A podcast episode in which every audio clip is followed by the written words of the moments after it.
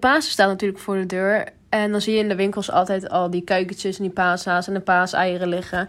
En toen vroeg ik mezelf eigenlijk af, waar komt nou dat van het verhaal van de paashaas vandaan? Want is dat iets wat we gewoon zomaar hebben verzonnen of zit daar echt nog iets achter? Alledaagse vragen. NPO Luister. Lisa uit Arnhem, dankjewel voor het insturen van je vraag. Merel, Pasen, eh, eitjes, heb jij nog een leuk paasverhaal? Nou, ik ben natuurlijk niet per se gelovig, dus in die zin niet. Maar ik heb wel een hele positieve associatie bij Pasen. Dat is toch een beetje uit je kindertijd. Dat je dan lekker eh verstoppen. Je gaat natuurlijk eitjes verstoppen. Die ga je dan lekker zoeken. En dan 15 jaar later vind je een soort wit beschimmeld eitje nog steeds ergens bij je ouders in huis. Eh, en gewoon lekker het schilderen van de eitjes. Ja, ik weet niet. Volgens mij, kijk, ik ben natuurlijk seculier opgegroeid. Is het een beetje een ondergesneeuwd feestdag ding ten opzichte van kerst of, of Sinterklaas. Maar ik vind Pasen eigenlijk het leukst. Ja, wat je zegt over die, die, die kinderlijke vrolijkheid die je bij associeert, dat heb ik ook. Topfeest Pasen. Ja, en gewoon je creativiteit kwijt kunnen op die eitjes. en Jij er dan kwijt achter- kunnen. Ja, kwijt kunnen. Nou, wat een goede afsluiter. Ga door naar die vraag. We gaan door naar de vraag. En ja, om uit te zoeken waar nou de haas vandaan komt, de rol speelt in dit hele verhaal. Ja, dat vind ik trouwens een hele goeie. Want het gaat natuurlijk over een soort van christelijk iets. Hè? Het is een christelijke feestdag. En ineens is die haas. Ja, waar de fuck komt die haas vandaan? Ja. Iemand die ons dat kon vertellen is cultuurtheoloog Frank Bosman. En volgens hem was dat hele verhaal van die paashaas nog best wel een lastig verhaal. Voordat ik het helemaal over die haas wil gaan hebben. ehm, bij paas heb je natuurlijk veel meer symboliek. Behalve Nou ja, de paashaas. We zeiden het net al. Eieren, maar natuurlijk ook eh, het haantje op een stokje. Nou, die ken ik niet. Maar ik ken wel de paastakjes. Nou, en ik vroeg aan Frank, waar komt dat nou allemaal vandaan? Wat is het met die symboliek en Pasen? Zoals we er nu naar kijken, hè, hebben hazen en eieren en, en, en mooie goede takken natuurlijk te maken met het idee. De lente begint. Hè. De natuur heeft de winter gehad. Het wordt weer langer licht. Het wordt weer warmer. Hè. De konijnen gaan weer doen waar konijnen goed in zijn. Eh, kippen gaan eh, eieren leggen. De natuur loopt weer uit. Het is een natuurfeest, een lentefeest. Dat past natuurlijk heel goed bij de christelijke betekenis van het eh, paasfeest, namelijk de verrijzenis van Jezus Christus. Een nieuwe lente, een nieuw jaar, een nieuwe zon, een nieuw begin. Hè? Dus die, die, die twee soorten symboliek lopen heel netjes in elkaar over. De, de, de, zeg maar de, wereldlijke, de seculiere symboliek en de christelijke symboliek van paas. Ja, precies. Want met Pasen vieren we natuurlijk eigenlijk dat Christus opstaat uit de, uit de dood. Eh, ik heb wel altijd begrepen, tenminste, dat is een beetje een, een eh, hoe noem je dat? Urban myth of een, een urban legend. Dat Pasen ook daadwerkelijk een beetje gejat is van allerlei heidense eh, feesten, toch? Nou, Merel, je loopt een beetje op de zaken vooruit. Zo snel als een haas. Zo, zo snel als een haas. Ehm, want als we het over de paashaas hebben, dan moeten we volgens Frank ook inderdaad meer naar die heidense geschiedenis kijken. En dat is nog in een periode voordat de christenen in Europa waren. Vaak lees je dan op internet, op websites en dergelijke.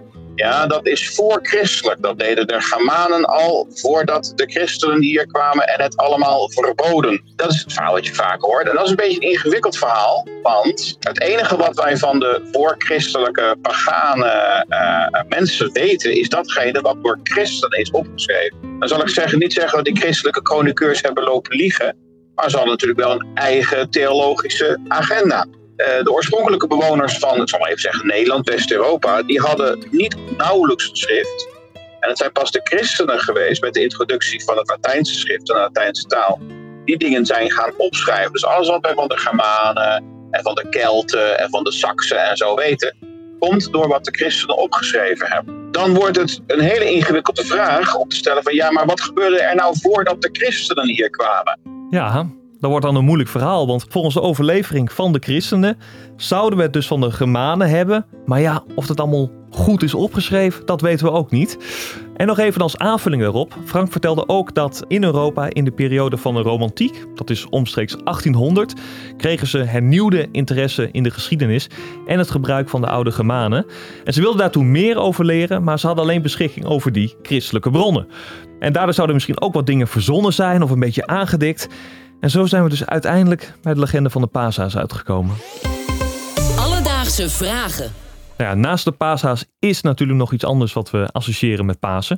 Eh, en met de paashaas zelf ook. Namelijk dat mandje met die eieren. Mhm, zeker, de eieren zijn al veel voorbij gekomen vandaag. Hoe langer ik er zelf over nadenk, hoe bizarder ik het vind dat Een haas, met eieren eieren rond, rondgaat. gekleurde, hè? Dus ik vroeg ook aan Frank, waar komt dat in hemelsnaam vandaan dat die, dat die haas met die eieren rondloopt?